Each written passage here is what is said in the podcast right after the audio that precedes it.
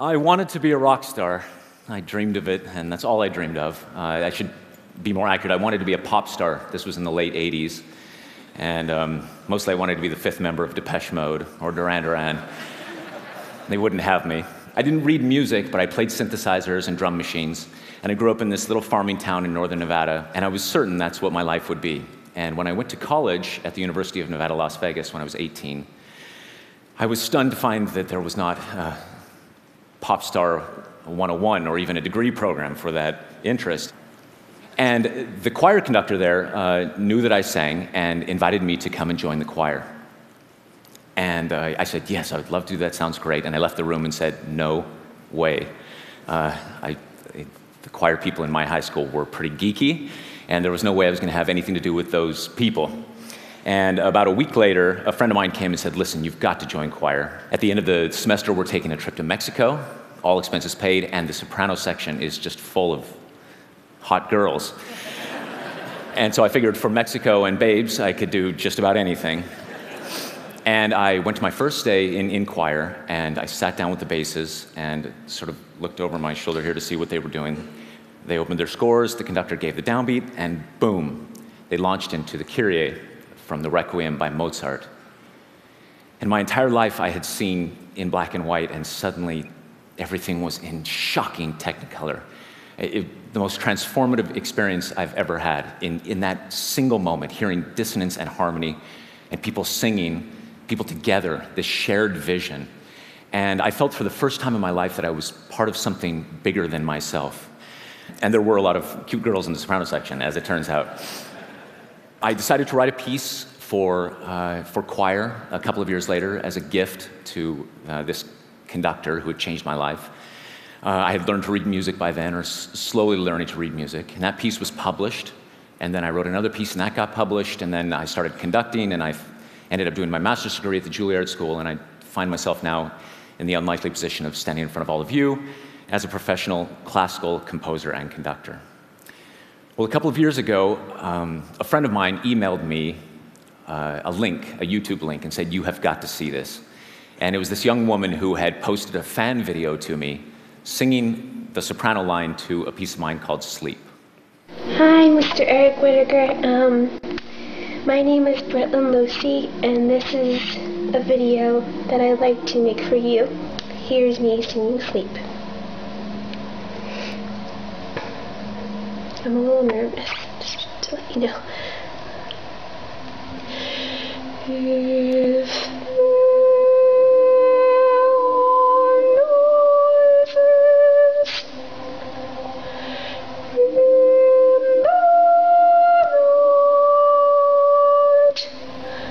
I was thunderstruck.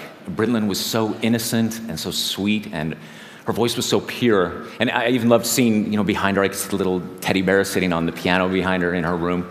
Such an intimate video.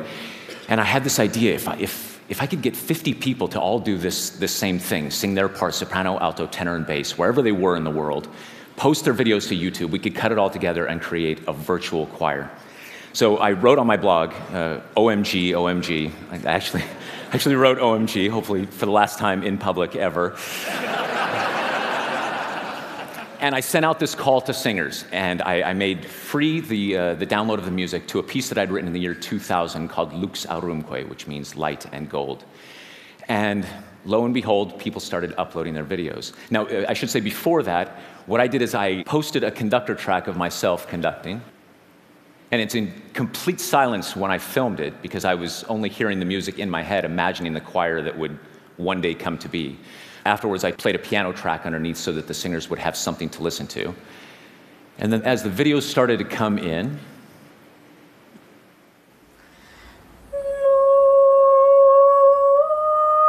this is Cheryl Ang from Singapore.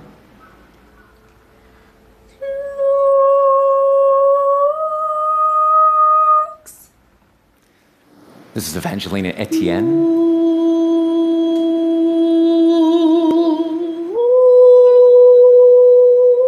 Massachusetts. Stephen Hansen from Sweden. This is Jamal Walker from Dallas, Texas.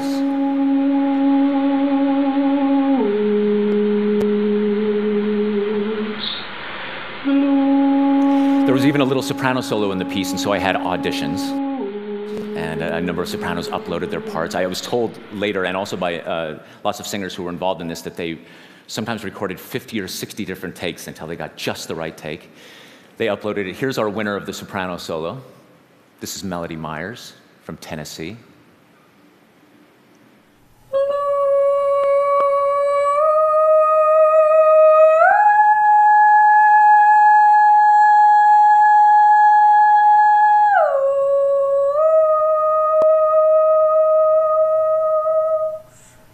I love the little smile she does right up at the top of the note, like, yeah, no problem, everything's fine.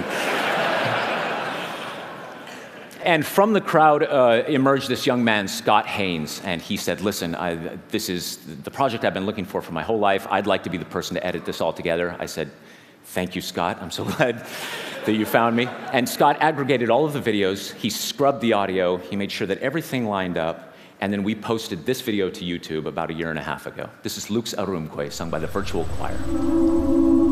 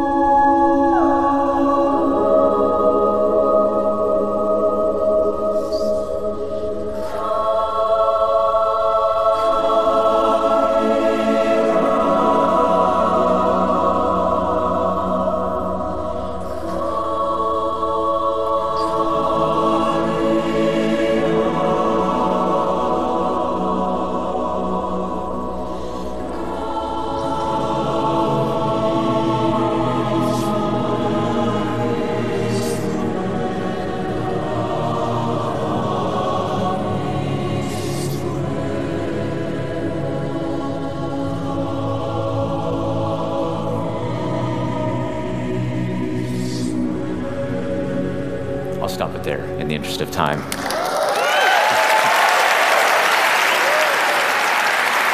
Thank you. No, thank, thank you. Thank you. Thank you. So there's more. There's more.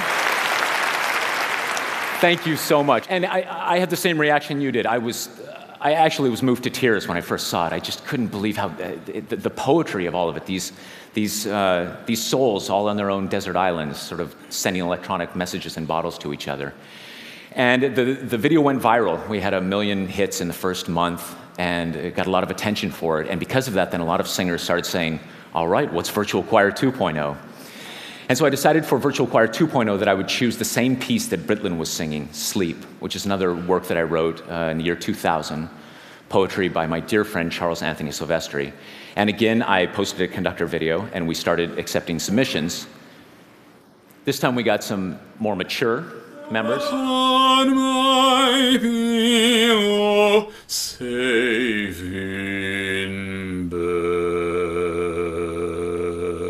and some younger members.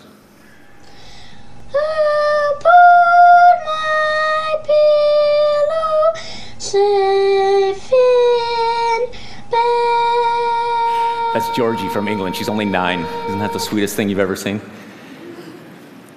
Someone did all eight videos of bass, even singing the soprano parts. This is Bo Otten.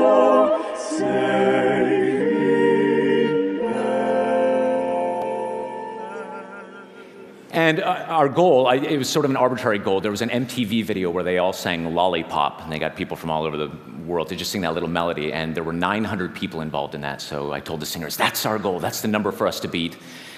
And we just closed submissions uh, January 10th, and we, our final tally was 2,051 videos from 58 different countries.